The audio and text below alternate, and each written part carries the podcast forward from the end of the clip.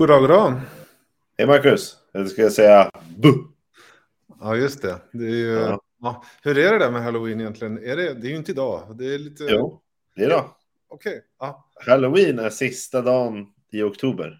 Men det är många som tror att det inte är så. Den är ju inte, den är liksom frikopplad från alla helgon. Nu kanske vi inte ska köra en gen- genomgång av, av högtiderna här. Man får lära sig massor när man kollar på vinkoll i alla fall. Eh, Kul att se dig Daniel. Det var ju, jag tror det var en månad sedan vi faktiskt eh, körde ett avsnitt så här. Ja, så är det. Var, varför då? Eh, ja, det är inte så att det inte har kommit nya viner och det är inte så att vi har tappat intresset utan det är väl snarare så att Cape Wine, Sydafrikas eh, stora vinmässa, kom i vägen som jag besökte. Jag träffade massa människor kopplat till vin. Eh, men Jag tycker så synd om dig Marcus att du var tvungen att åka på det där. jag vet, det, det är synd att det inte är oftare än vad det är. Men eh, ja, Cape Wine var, var fantastiskt, det är väl den korta liksom, recensionen. Så att, eh, fråga mig allt om Sydafrika nu så ska jag kunna Ja. Eh, Challenge accepted. Eh, Kommer nog någon fråga här när du minst anar det. Ja, men vi sågs ju faktiskt eh, så fort jag kom hem, för då hade vi ju vårt Chile-event liksom på plats på chilenska ambassaden i Stockholm. Så hur mycket vin var det där då? Ja, det var mycket vin kan jag säga. Det Mm. var mycket vin för pengarna och mycket vin att prova. Och jag tror mycket vin som man inte har provat tidigare heller. Exakt, det var ju en, eh, vi kallar det för vinmässa på Nya Chile, så att eh, en 45 stycken som fick chansen att prova väldigt mycket vin faktiskt. Så att, eh, jag, jag tror att det var uppskattat. Så är det någon här som lyssnar eller tittar live så kan man väl eh, vinka och säga vi, eh, vi var där och vi tyckte vad ni nu tyckte helt enkelt. Exakt. Ja, jag, jag känns som att jag, jag tror jag han pratade med alla, både när de kom och när de gick. Och det var nöjda miner överallt. Mm. Det förstår jag. Ja, men nu är det dags att lägga fokus framåt då, det vill säga på, eh, på fredag kommer det ju lite nya viner. Men innan vi kommer så långt så har jag faktiskt en, jag är lite nervös för att ställa den här frågan. Eh, Jag såg att du hade en vinkyl till salu. Ja, nu, nu tänkte du att nu jäklar, nu har han gett upp på det här med vin.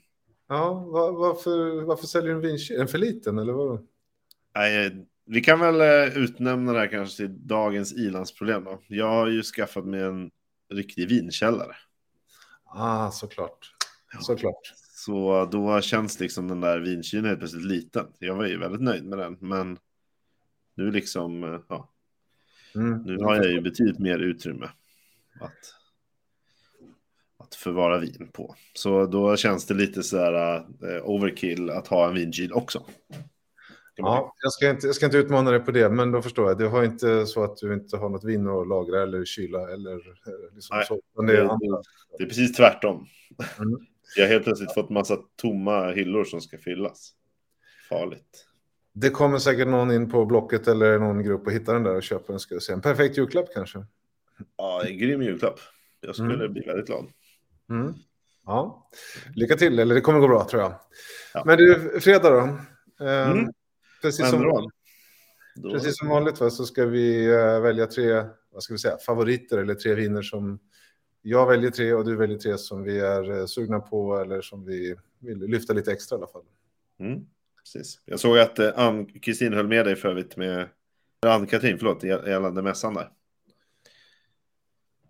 Ja, eh, Cape Wine. Alltså. med oss. Mm. Jag antar att hon syftar på våran, eller? Ja, Chile. förlåt. såklart. Det är många mässor nu att hålla, hålla, hålla koll på. Ja, men det är bra. Men jag tror att det var... Den som var lite närmare att ta sig till, helt enkelt. Ja. Tror jag att hon menar. Men hon Ja. får väl rätta oss om det inte var så. Mm. Ehm, ja, fredagssläpp. Förlåt.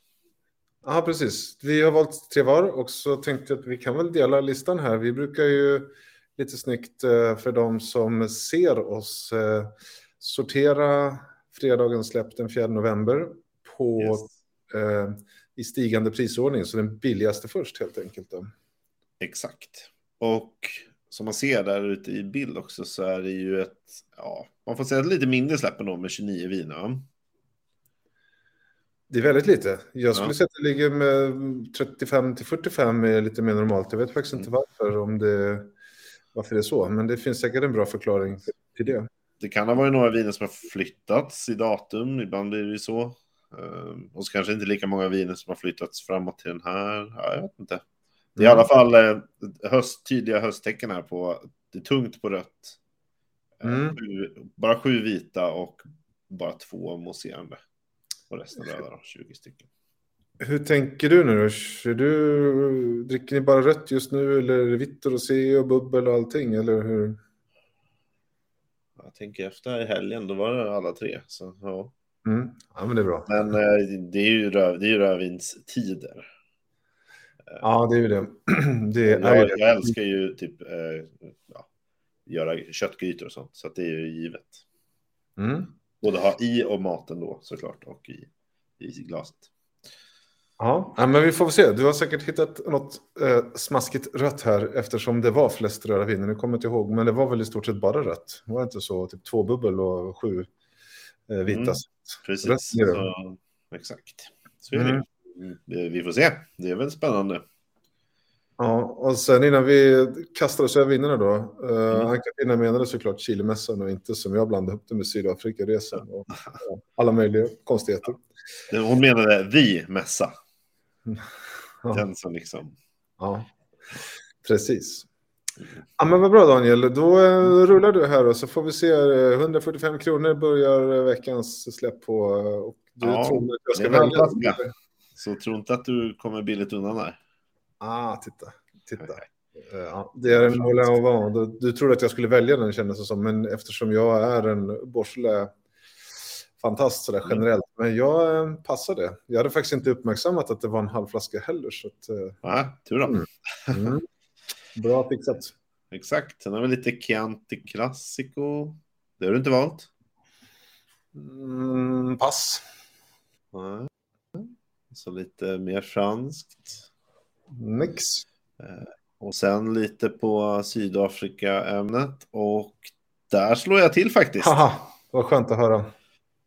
Ja, och det är alltid, jag tycker alltid sy, sydafrikanska viner är svåra att uttala. Du har ju varit där och övat, men jag kan ju försöka så får du rätta mig om jag har fel. Ja, ett tips innan bara, att man kan säga någonting väldigt fort, så brukar det gå bra. Just det. Mm. Så då heter vinet Lamerchuk Miseris. Ja, Lamerchuk Miseris. Ja. ja, men jag, jag eh, godkänt uttal, inte för att jag expert. Men du, man kommer förstå vad du vill ha för vin. Och vad är det för vin ja. den här gången då? Ja, men den här heter ju helt enkelt vad det är. Chenin Blanc heter den ju. Mm. Uh, och det är det det är, 100 procent. Uh, det är ju lite, lite Sydafrikas grej, men nu, Chenin Blanc. Jag antar att du fick prova massor av sådana när du var där. Ja, och sen apropå uttal, vad säger man i Sydafrika om Chenin Blanc? Hur säger man det?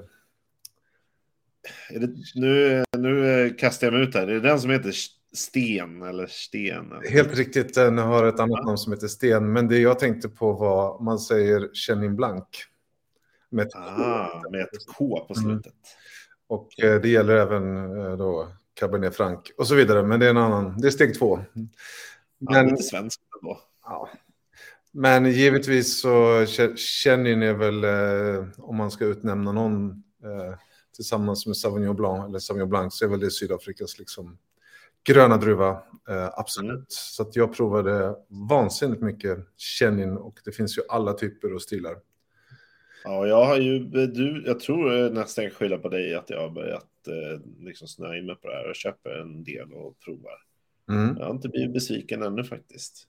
Eh, det här är ju lite, eh, det är lite roligt för det här vineriet eller vinproducenten är ju faktiskt eh, tyskar som har flyttat till Sydafrika och gör vin. Mm. Ett tyskt par.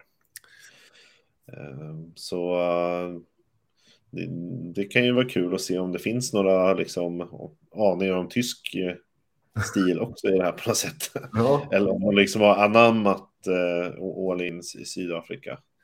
Det är ju åtminstone sydafrikansk frukt i sig.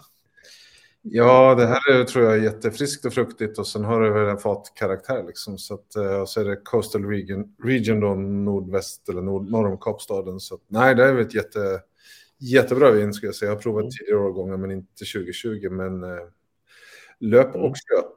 Och... Exakt. Dessutom är ju faktiskt etiketten väldigt vacker. Det ser ut som en sån här... Eh, jättefin tapet som man kan ha på, vad heter det, fondtapet. Liksom. Mm.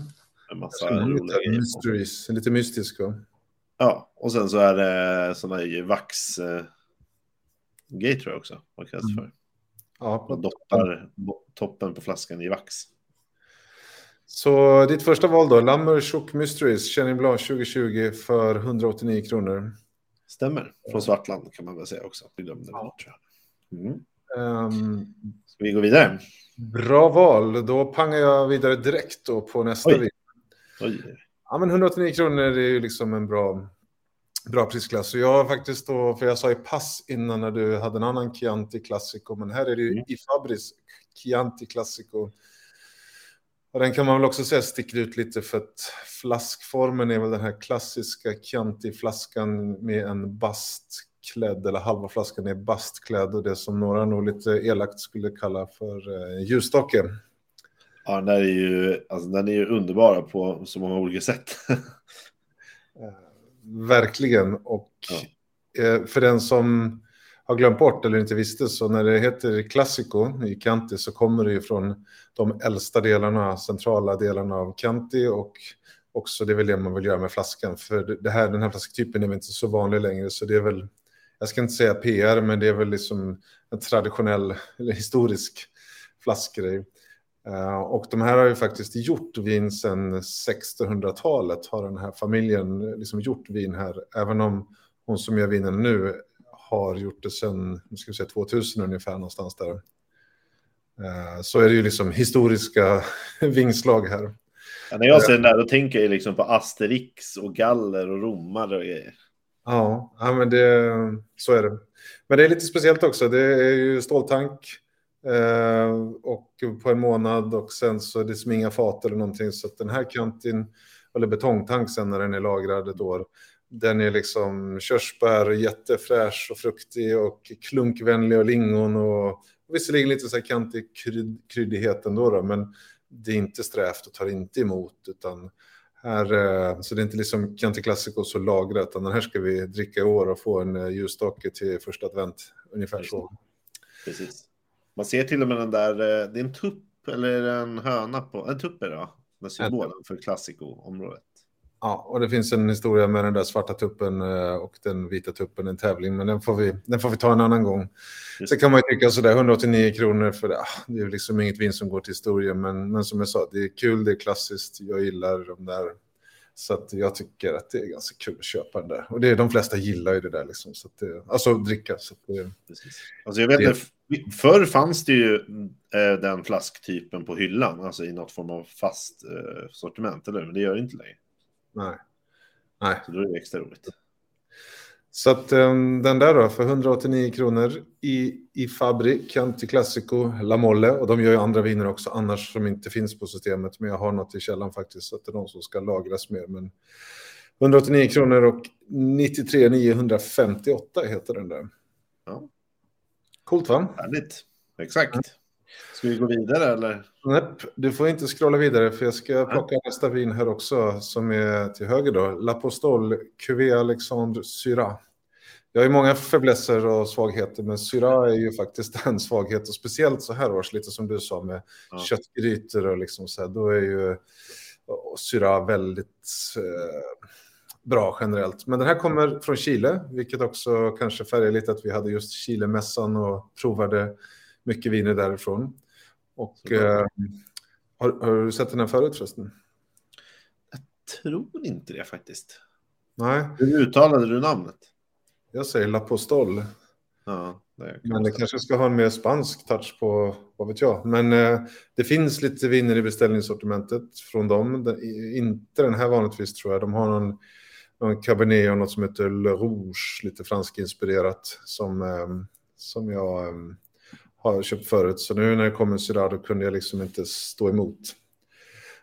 Men eh, Chile, eh, vinmakare som har varit inblandat i, eller varit, jobbat på Chateau Margaux i Frankrike. Vi har Michel Roland som också är en eh, Bordeaux-figur av rang. Eh, så att ganska mycket, liksom, vad ska man säga, inte kända människor, men människor som håller på mycket med vin som kanske borgar för en viss kvalitet och, och, och stuk, Ja. eh, skulle jag säga. Men eh, från Chile då. Och här förväntar jag mig nog att det kan vara tufft att dricka nu faktiskt. Redan i höst. Här kanske man får spara. Jag förstår. Hur länge? Nej, men två, tre, fyra, fem år någonstans där. Det går säkert att dricka alldeles utmärkt idag, men här tror jag att det är ganska mycket liksom. Här är ganska intensivt, väldigt kryddigt och väldigt mycket lakrits och liksom de här mörka fat och frukt, choklad och liksom de tonerna. Så att eh, man får nog köpa fler, prova nu, prova sen, men eh, en, ett mustigt vin i alla fall. Ja, mustigt vin till mustig mat, det är väl lämpligt då. Mm. Så en gryta om tre år så är vi, är vi där. Exakt. Ja, nu får du rulla vidare efter... eh, Ja, just det, Ja. förresten. Ja, ja, vi gör det. Vi rullar vidare. Fast nu har vi valt eh, tre viner, eller hur? Ja, jag har valt ett och du har hunnit med två redan.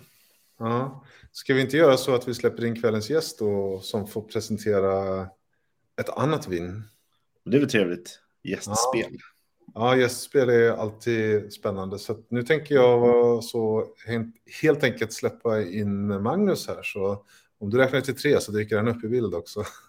Ett, två, tre. Ja, där är han ju. Hej Magnus! Hej, hej! Hur står det till? Jo, men det är bra. Vi, har ju, vi snackar vin här. Det, det går ju aldrig fel på något sätt. Det är alltid kul.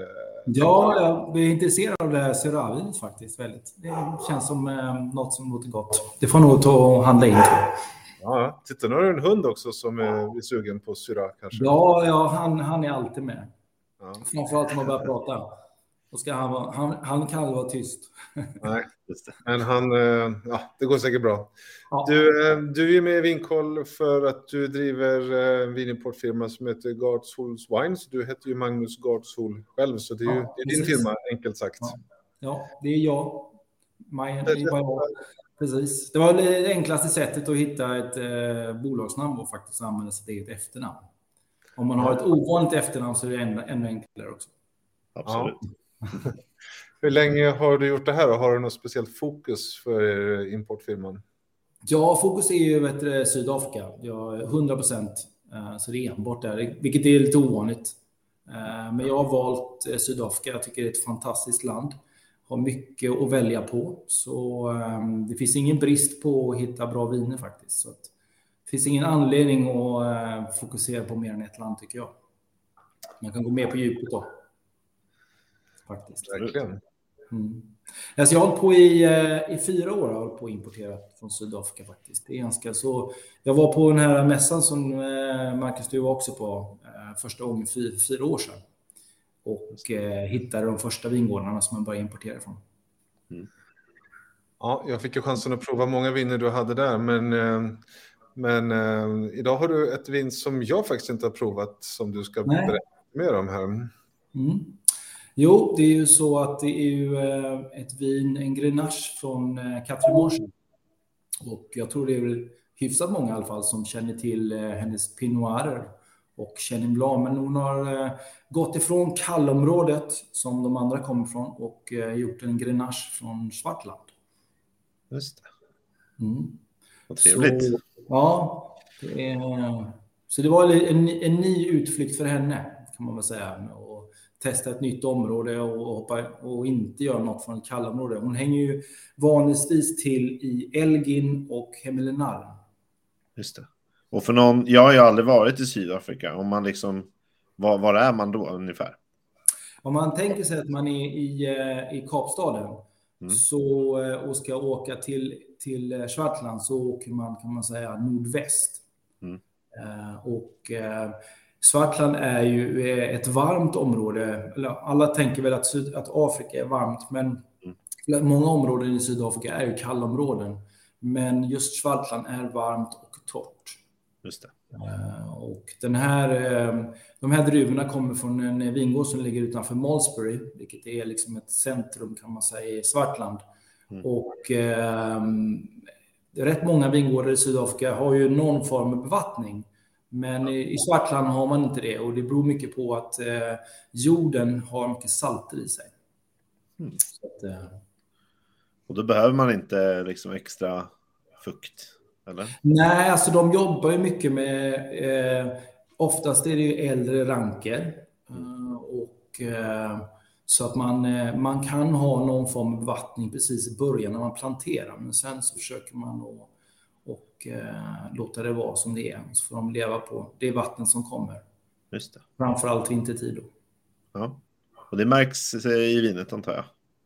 Ja, det gör ju det att eh, framförallt så får ju eh, eh, rankerna får ju jobba lite mer, vilket är ju, är ju bra för en vinranka. Den ska ju ha lite tufft och eh, leta sig neråt eh, och hitta det som finns i, i jorden. Så att, mm, så att den här är bara lite kort, Katrin Marshall, hon gör ju, hennes viner, hon har ju ingen egen vingård, utan hon, eh, hon köper ju druvor från, från druvodlare eh, i de, i de olika regionerna. Därav vad jag nämnde tidigare, att det här är ett vin från Schwartland och normalt sett så kommer vinerna från Elgin och Himmelenarden. Så att det säger väl lite att hon har ju inte vingårdar alla dessa platser. Nej, precis. Ja, då kan hon ha lite mer bredd på liksom sitt, sina viner då. Ja, och det är, det är ganska vanligt. Alla, många av de här nya vinmakarna i Sydafrika eh, har ju inte några egna, har ingen egen vingård, utan de har ett vineri. Eller så hyr de in sig ett vineri. Så mycket av det som jag sett som varit otroligt populärt från Svartland är ju faktiskt eh, eh, där man köper in druvor från, det finns druvodlare som inte gör eget vin. Eh, och, eh, det finns ganska mycket bra druvor att få tag på.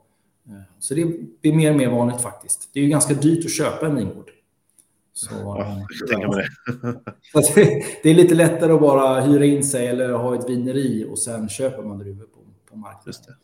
Men du, jag måste fråga här. Eh, Grenache, Sydafrika är ju inte liksom det första man, eh, den första druvan man kanske kopplar ihop där. Hur, hur är det här då jämfört med en typisk spansk eller fransk?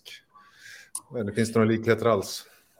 Ja, faktiskt. Eh, jag, eh, jag har ju en, en eh, gammal kompis som driver en vinfirma som heter Wine Dog. Och vi har jämförde faktiskt den här grenachen mot deras. Och jag tycker det finns mycket likheter faktiskt i, i stilen. Eftersom det här kommer från ett varmt område, många av grenacherna i Spanien och, och Frankrike kommer också från varma områden. Så att, därav så är det ju en likhet, tycker jag både smakprofil och, och så vidare. Mm. Mm. Ja, kul. Ja. Men, Sen, eh, ja, fortsätt. Nej, jag tänkte vad som är intressant här faktiskt, jag skrev med det här lite grann, det är att man, hon, eh, hon, när man jobbar med Grenache, som hon sa, det var att man kan göra ganska mycket. Man kan eh, ska säga, leka ganska mycket kan man säga. Mm. Och det var därför jag skrev det finns tre olika vinkomponenter, vilket är ganska intressant. Och här har man alltså använt en komponent där man har avskälkar och krossar druvorna innan man eh, vinifierar dem. Den andra då, då jäser man med hela klasar och den tredje där lägger man lager på lager med druvklasar och skälkar. Okay. Eh, vilket gör ju att man, eh, man får ju ett, jobba med olika komponenter för att få ett ska vi säga, mera komplext vin i slutändan. Ja, det är väl lite, det är inte supervanligt att göra så antar jag. Nej, normalt sett så väljer man ju någon av de här komponenterna. Mm. Jag menar, det är ju eh, inte ovanligt att man ger sig hela klasar. Mm. Eh, annars, jag menar, en klassisk eh, vinifiering är ju faktiskt att man avkälkar och krossar. Mm. Det är ju det vanligaste. Faktiskt. Precis. När man gör vin. Så Just det gör att det blir lite annorlunda. Jag antar att det märks. Det är lite mer tanniner kanske det här vinet då. Om, om Ja, alltså det är lag, ja, jag tycker det är ganska... Det är tanniner, helt klart. Uh, men inte så, så att det är... Jag tycker det är en bra balans med tannin, syra och, och uh, den här fruktigheten som uh, många gånger finns i en grenache. Just det. Och just det här med hallon, körsbär och... förlåt, den här kommer ju inte på fredagens släpp, utan den här finns ju i beställningssortimentet att köpa när man vill och var man vill i Sverige, eller hur? Ja, precis. Den, den har faktiskt funnits nu här i, i ja, det är ungefär en och en halv månad ungefär. Och, eh, och, eh, så den, den finns. Eh, så det är en, och än så länge, och på, ja, det är några ställen och restauranger som har den också, men framförallt så finns det beställningssortiment. Just det. Och det kommer liksom en ny årgång varje, varje år? Så att man, ja, ja absolut. Det kommer, ja, det kommer ju, det här är ju 2021 och sen kommer 2022 och eh, den kommer, eh, som det ser ut nu, komma i tillfälliga sortimentet i ja, ja. september nästa år. Då. Just det, då får vi prata om, om den igen då kanske. Ja, precis. Det kanske blir en av de där tre som ni väljer, man vet. Exakt, precis. Vi får Ja. prov, prova nu, så har man liksom en föraning vad, vad, som, vad som kommer nästa år. Ja, men det kan verkligen rekommendera. Någonting som jag tyckte, bara för att nämna någonting, om man, eh, ni pratar ju lite om lagring och det, den, den går ju faktiskt att lagra ganska länge. Mm. Men den kommer såklart förändra karaktären som alla viner gör. Eh, Den blir ju mer höstlik om man säger, i sin, i sin karaktär. Men eh, en överraskning som jag hade faktiskt, för jag hade en, körde en provning och då hade jag lite kvar i glaset och så fick vi in en efterrätt. Och det var mörk choklad. Eh, och eh, så tog jag lite av det här vinet och det kändes ungefär som att jag la en hallon, färskt hallon uppe på den här chokladbiten. Det var en fantastisk. Det hade jag faktiskt inte tänkt mig som en smak. Normalt sett så tänker man ju dessertviner, eh, ja, söta viner helt enkelt Just det, till eh, desserten. Men den här faktiskt funkade faktiskt väldigt bra till det. häftigt. Mm. Jag la upp eh, adressen till din hemsida i vår chatt här på Facebook. Så jag tänkte att om man eh, är nyfiken på det här eller Catherine Marshall eller Sydafrika så är det ju en bra anledning att gå in där och prenumerera på ditt nyhetsbrev om inte annat. Ja, det är faktiskt... Runt. Jo, det finns lite att välja på. Det är det som är fördelen när man fokuserar på ett land, att man kan ha en liten, mycket bredare sortiment än eh, om, om man ska ha, om man jobbar med flera länder. Det är ju naturligt att det blir så. Just det, ja. Nummer 58 542 knappar man in på Systembolaget och så när man hämtar ut det kostar 309 kronor flaskan. Mm. Så det är väl precis som eh, Victoria skrev här i chatten att det här låter ju väldigt intressant och något som hon vill prova när jag skrev här om, man, om någon har provat Catherine Marshalls viner. Men som du sa, Pinot, och det finns ju andra också man kan eh, prova så det är väl en bra start. Ja, absolut. Eh, eh, Jag kan verkligen rekommendera hennes Pinot Noir och eh, Chenin Blanc. Framförallt, vad som har blivit populärt är ju, det finns ju en Pinot Noir som heter Sandstone. Den har blivit väldigt populär faktiskt. Just det. Ja, det är bra tips. Mm. Ja, kul. Då får vi ju tacka, på, tacka för att du var med och Ja, vi med. prova en sydafrikansk Grenache och så uppmanar vi våra lyssnare och tittare att gå in och, och följa dig och, och Ja. titta med. För Du har mycket bra viner där, vet, ty, tycker jag i alla fall. Så Ja. att, eh, Mm. stort tack för det. Tack själv. Tack för att du var med. Då rullar vi vidare med tre andra viner och så ses och hörs vi en annan dag, Magnus. Ha- det gott. hej. Då ser man Daniel, en Grenache från Sydafrika. Det trodde du inte vi skulle... Nej, men det är väl du vet på halloween när man minst anar det knackar på dörren och så står det en grenache från Sydafrika där och vill ha godis. Ja, Ja. herregud. Du, Ska vi rulla vidare då på våra... Vi har ju tre viner kvar och vi har eh, inte hela Kom. kvällen på oss. Nej, det kommer lite franskt. Det har du inte valt kanske? Eh, nej, jag, jag säger stopp när jag... Så du scrollar på tills du eller jag säger stopp. Lite, lite tyskt, lite sött till och med tror jag i det här fallet. Och sen Mm. kommer lite vitt. Det var inte så många vita, men eh, det dyker upp en vit, då, då tar jag den. Så här har vi faktiskt eh, en till vit då. Nu får du jobba med uttalen här. Det var glädjande. Får vi se hur det här går då. Ja, precis. Nej, men en, jag tror att man säger Cross Hermitage. Man, H är väl stumt, va? Snyggt. Grås Hermitage. Och, Och här är det Blanc, inte Blanc då, för nu är vi i Frankrike. Eh, exakt. och det är ju en producent som, ja det måste ju vara liksom, det, det är ju rånproducenten nummer ett ändå. Och det är ju Gigal. exakt. Och de gör ju allt från billiga Cotteron till liksom eh, riktigt dyra, eh, ja alla möjliga sorter. Jag tror, de, som jag, om jag minns rätt så är de den enda producenten som pr- producerar vin från alla appellationer i Rondal. Jag lever också i den tron så jag tycker att vi bestämmer det. Och är det någon som har någon annan uppfattning så, så får vi eh, överbevisa Ja, då får de utmana oss, men jag tror att ja, jag är nästan bestämd på att jag har läst det någonstans. Så det säger ju väldigt mycket om hur stor man är. Och jag har till och med läst någonstans att det är väl liksom de som väldigt mycket öppnade upp nya appellationer för, för världen. Liksom. Så att de har ju, Mm. De har ju fått en position. Sen eh, som sagt, de har ju både väldigt instegsmodeller och eh, lite eh, väldigt dyra viner. Så det är verkligen det är högt och lågt. Ja, det, det är lite, det är kul. Det är lite läskigt med så här stora, men det är också lite roligt. För man kan ju kanske förvänta sig en ganska stabil produkt år till år.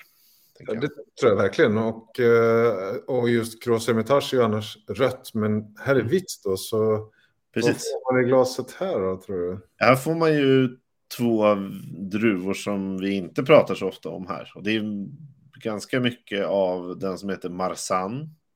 Mm. Men det är även en liten uns av den som heter Rossan. Då. Det låter som att det är två syskon här. Ja, men de är väl, de är väl rånsläktingar här i alla fall. Och det är Mm. väl ofta de två som är med i de, i de vita vinerna. Precis, ja de kommer ju därifrån från början i alla fall. Och jag, jag tror inte det görs jättemycket utanför rån av dem. Nej. Eller? Eh, nej, nej, i Frankrike finns det väl lite grann sådär och de har ju lite andra namn i Spanien, men det, det är ju här de liksom finns så i de vita vinerna. Och sen är det väl så att eh, precis som här så är väl, passar väl bra för fat och liksom smakrikare, fylligare viner och eh, kanske till och med, ja, det är fortfarande fruktigt va, men det är fortfarande det är faten och de här gula päronen och blommorna och ananasen och det. Va? Precis. Och det var lite där jag liksom föll för, för det här. Att, eh, dels har jag inte druckit mycket vitt rån, men dels kanske för att det inte finns mycket att välja på heller. Men eh, jag tycker att det låter tilltalande. Generellt sett franskt vitt med fat brukar tilltala mig. Så redan där har vi något. Och sen så de här andra grejerna är ju, låter ju dessutom bra. Så att, äh, men den här, den här eh, måste, måste provas.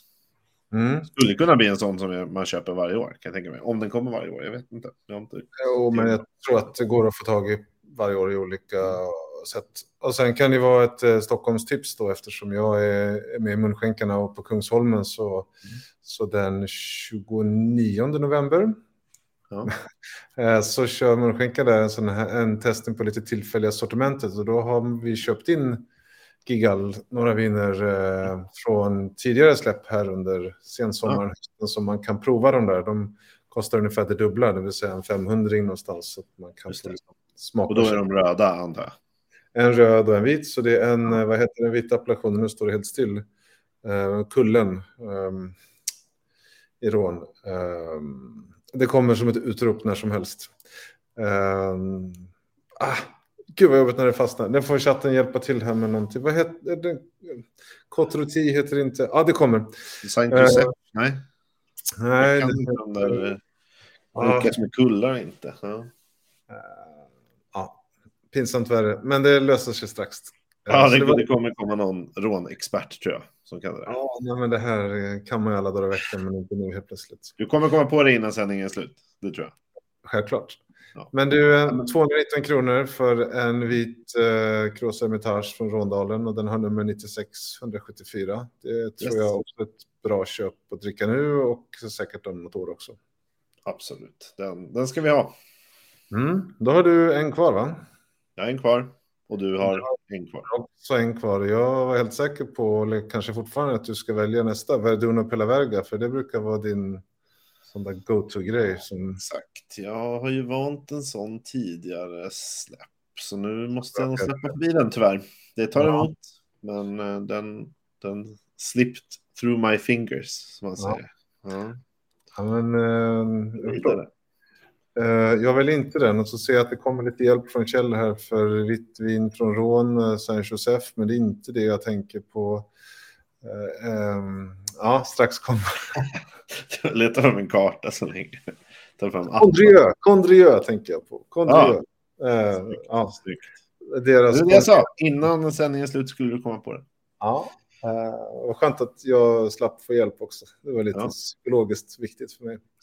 Men, Ja, men jag scrollar vidare här. Det är lite spanskt. Det är lite Mm. franskt eh, bubbel faktiskt. Ja, Eh, inte champagne dock, men... det är ju gott.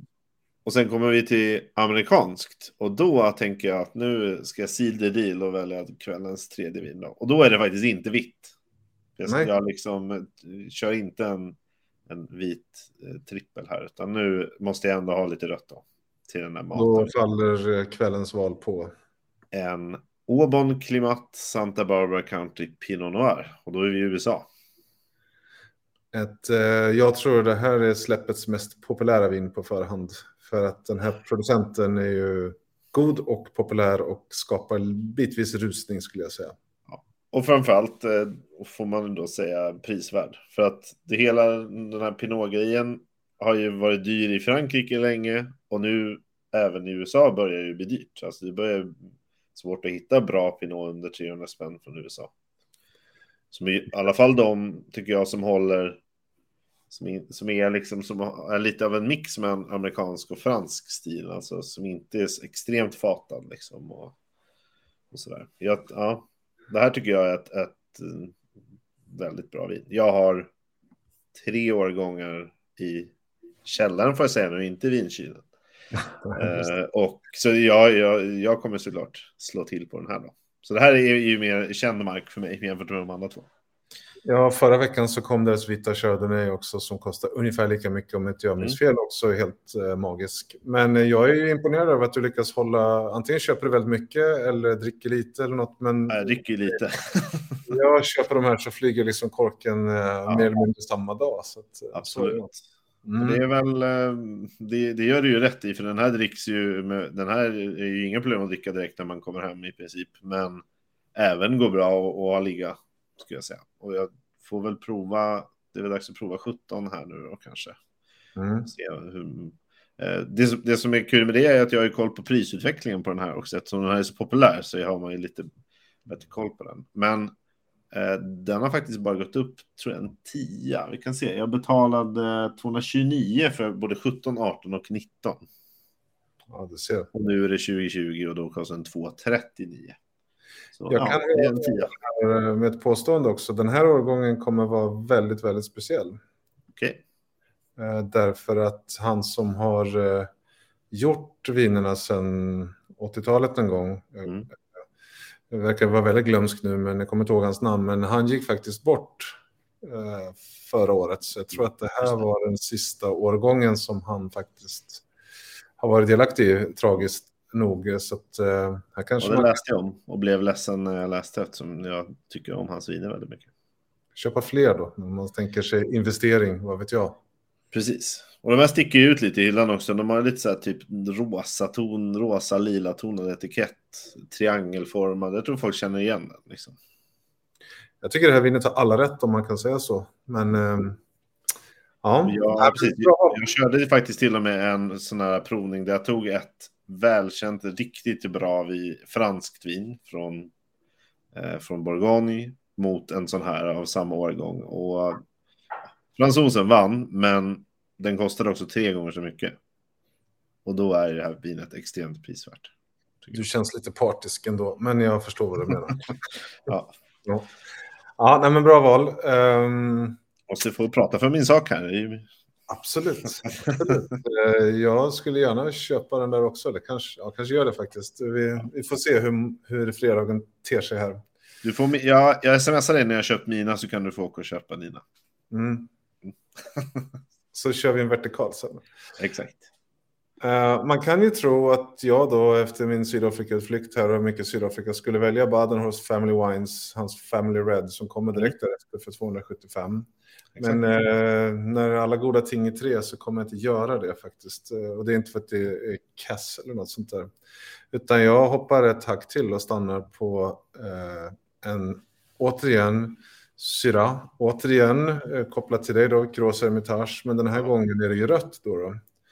Du byter färg bara.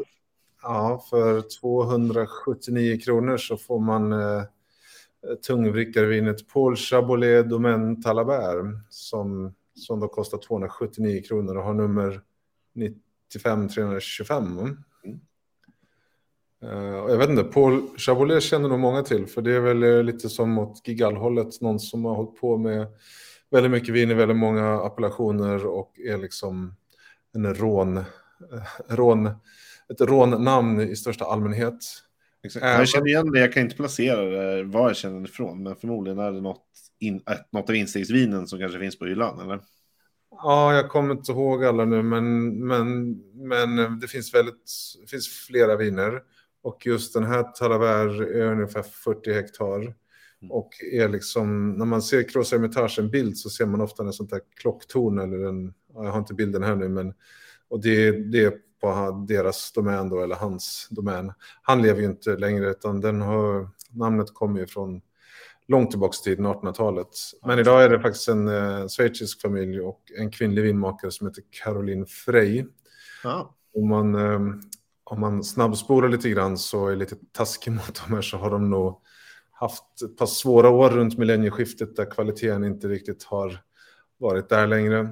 Okej. Men, i, men den här schweiziska familjen har väl återupprättat det och verkligen eh, gjort eh, bra viner. Så här får man väldigt mycket vin för pengarna. Eh, och jag tror att det här kan, eh, ja, man behöver inte dricka upp det samma dag, men det behöver inte lagras nu vidare. Det är drickfärdigt, men jag tror att det kommer bli ännu bättre på några år till. Och det går alldeles utmärkt i tio år till. Och det är samma här. Det känns som att det är svårt att hitta bra cross under 300 spänn nu för tiden. Ja, det skulle jag nog säga. Jag ska hålla en, en kurs snart i Syra och ska ha med någon och hålla på liksom vilken ska jag, för hur ska jag få upp någon och sådär. Så att eh, kanske blir den här då. Jag tänkte precis säga det. Här har du ju en eh, bra kandidat kanske. Mm. Ehm, så att ja, den blir, eh, den blir mitt tredje val och eh, med det sagt så är det väl rött, rött, rött för mig då. Ja, du körde tic-tac-toe på rött. Ja. Men jag tror det som jag sa innan, det är väl säsongen kanske påverkar lite grann. Absolut, så är det. Man är, dels tror jag, inte bara för att man kanske ska dricka dem nu, men man tänker, man, tänker, man tänker rött vin nu. Bara det Ja. är liksom tankarna. Ja, precis. Jag tror att det är så. För att runda av då, eh, så finns det ju en hel del vin kvar att välja på för den som har pengarna. Är det något annat som sticker ut, tänker du, och det som vi inte har nämnt och kanske lite dyrare då, som du tänker sådär, wow. Det kommer en Barolo från en eh, relativt känd producent, eh, Luigi Odero där. Eh, den kommer nog ett gäng kasta sig över kan jag tänka mig. Mm, 349. Jag tycker det låter spännande. Men jag vågar mig inte riktigt på det. Den här uh, Ferment Pinot Noir från Nya Zeeland, Greystone Vineyard. Mm. Eh, Ja, det, men jag vågar lova att den är bra. Men ja, det, Ja, men det, det är bra, det är en bra 10 producent. kronor kostar det. Så att man får ändå eh, fundera en, en extra gång innan man köper. Även om jag tror att det är ett bra val. Ja. Ja, jag håller med. Lite mer italienskt. Vi har lite mer australiensisk cabernet där också. Det högre prisspannet. Mm. Och spanskt här. Ferrer Bobbet, ja, 2019. 429 kronor, då vill man veta vad det är. Ja. Mer australiensiskt också. Henske. Mm. Och en till från, nej det här är en annan producent, just det. Louise då har några viner här på topp, toppnoteringen här. Det är vingårdslägen och Premier Cru-viner. Precis som det är för den här Riesling-producenten, här, Weingut Dörnhoff. Det är väl Nahe som eh, kommer med ett helt paket viner från runt 500-600 kronor här. Grosse Gewächs och så vidare. Det är säkert helt Ja, fantastiskt, men Ja, exakt. Där skulle man ju vilja ha alla tre och prova bredvid varandra. Det hade ju varit riktigt fint faktiskt. Mm. Bubbel på slutet då. Det var länge sedan vi druckit champagne, men det är väl närmare sig nyår, så varför inte en special club? Pierre Mm. Chimonet, 629 kronor. Men vi får 20. säkert, eh, säkert massa bubbel att prata om närmsta veckorna, månaderna här, tror du inte? Jo, Och vad är special club och så vidare, men det, det tar vi då. exakt. Och sist men inte minst, vi nämner ju alltid vilket som är det dyraste vinet. Och det här är ju också en härlig så här, jättelångt namn, men det är ju Louis Jadot igen med en sån här monopolvin som vi pratade om för några sändningar sedan ju. Och visst var det så, nu ska jag se om jag kommer ihåg, det var du som berättade att det betyder att de är ensamma om den vingårdslägenheten. Precis, man äger hela vingården. Och jag tror till och med i, i, i Bourgogne så måste man faktiskt ha mur runt också, men det är jag lite osäker på. Det är så mycket, Exakt, det är det jobbigaste med vi- vinproduktionen är att bygga muren. Mm. ja, jag kan ha drömt också, jag drömmer så mycket konstiga saker. Men det betyder också att de, eh, om de har monopol på läget så har de monopol på att sätta priset. Så här hamnar vi på 6,95 då. Ja, jag tycker det var lite elak, men eh, det stämmer ju såklart att det... Ja. Ja, Det är det är, så. väl inte helt sant, men jag skojar om det. Vad fint, då fick vi ihop eh, viner och vi fick bra tips av Magnus där på eh, Grenachen från Catherine Marshall, Sydafrika. Ja, Vi fick ihop eh, en radda med viner. precis. Och om ni som lyssnar nu då känner att men nu missar ni det där självklara valet, då hoppas vi att ni skriver det så att vi, vi och eh, de andra lyssnarna har chans att kanske komplettera med, med ännu en. Precis. Så är det ju. Ja, man behöver inte stanna som vi, vi tre var. Nej, precis. Nej, det, är. Men du, om man nu eh, vill se det här igen så ser man det såklart på Facebook där det har gått live. Men på YouTube hittar man ju alla våra sändningar eh, historiskt och provningar. Mm. Men eh, det som väldigt många uppskattar tror jag är Spotify-varianten. Att sätta det här i lurarna när man tar sig till och från jobbet eller vill göra något annat en stund. Ja, jag skulle säga att det är ganska bra format. Man hinner, beroende på hur långt man har till jobbet, hinner man i ett avsnitt dit. Annars så kör man ju halva och sen halva på vägen hem igen. Precis. Och så har man koll på fredagens släpp liksom. Och nu ska det inte dröja en hel månad tills vi är tillbaks. eh, Utan det kan eh, ta två veckor och en dag. Vi håller Mm. på att dribbla lite kalendrar här och se om vi kan få ihop det. Men troligtvis, vad sa vi, den 15, sa vi det? Precis. Ja, om du, om du kan hålla dig från att åka jorden runt på, på lyxiga vinmässor så ska vi få ihop det här. Den 15 finns det inga planer på det, så är det någon som har något jag kan komma och göra? ja. Nej, men det ska jag klara. Det är kul att prata om det här och det, jag vet att det är lite mera viner som kommer där och som jag sa inför, inför eh, jul och nyår som ofta är en tradition när man träffas och kanske lagar mer mat och har sådana saker för sig. Det är kul. Ja, Från och med nu kan man skylla på att man köper det som julklapp till sig själv. Va? Mm. När, när det är november. Lite tidigt kanske. Ja. Du, en sak till eh, som kommer att hända, nämligen den eh, första december. Mm. Då ska ju vi göra en liveprovning eh, i Vinkoll-kanalen. Mm. Och Äntligen. då har, det- ja, det var länge sedan faktiskt. Och då har det en koppling till Sydafrika. Så när jag var där så träffade jag en, en fantastisk person och en fantastisk vinmakare och viner som vi har nog pratat om och provat förut. Mm. Alltså, han heter Johan Reinicke. Och eh, hans eh, vinmakare som heter Barbara kommer att första december eh, prova två stycken viner med oss live. Och den ska vi alldeles snart lägga upp så att man kan köpa vinet och prova tillsammans med oss på så här klassiskt, vad säger man, onlineprovning. Ja, exakt. Det ja, jag har saknat det. Det är kul. Det, det är klart vi ska göra det. Mm. Och dessutom med bra viner, så då, då kan det inte gå fel. Nej, det är ju, jag tror att det blir jättekul och eh, det, det är så bra man kan ställa frågor direkt till vinmakaren och liksom förstå och höra massor. Och, eh, Ja, Det är, ja. det är så lyxigt att kunna sitta med vinmakarens vin i glaset och kunna ställa frågor till den som har gjort vinet. Det ju, händer ju typ aldrig. Mm. Första december kommer den, men den har vi inte lagt upp än så vi, vi ska snart lägga ut så man kan hitta information om den. Precis. Och då är ju tipset att eh, ha, ha lite framförhållning så att man hinner få hem de vinerna som vi ska prova. Så att, för då hänger man ju verkligen med liksom, och kan få Exakt, guidning genom... sortimentet på båda dem. Eh, nu ska inte någon springa och köpa dem nu, men jag vet att Cornerstone heter det ena vinet, det röda vinet, och sen är det en Sauvignon Blanc. Ja. Som det andra vinet åt vitt. Men, men detaljer kommer snart. Mm. För, för nu är vi ju jättenöjda och eh, tycker jag att vi ska tacka för oss, eller vad säger du? Det tycker jag vi ska göra. Vi tackar alla som har tittat och lyssnat. Och, Ja, hoppas vi Ja. har gett lite inspiration en mörk måndagkväll. När jag tittar ut här så är det väldigt mörkt i alla fall. ja. och så får vi väl önska god jaktlycka på fredag. helt enkelt. Eh, absolut. det betyder att det är dags att jaga älg eller vad? Är vin Vin? Ja, Ja. såklart. klockan tio. Någon, eh, jag hade ju inte koll på andra saker, att det är någon jaktsäsong som drar igång eller något sånt. Jaha, nej, det har inte jag heller koll på. Nej. Och så gör ni som eh, Kjell skriver här i chatten, att vi inte ska missa Johan Reinicke den första december. Ja, det är Kjell så rätt i. Mm. Mer om det snart. Eh, här är de sex stycken vinnarna vi valde ikväll. Hoppas att, eh, som, ni sa, som Daniel sa, att jakten går bra på fredag. Mm. Då ses vi väl snart igen. Det gör vi garanterat. Och eh, med det sagt Daniel så är, är det slut för idag.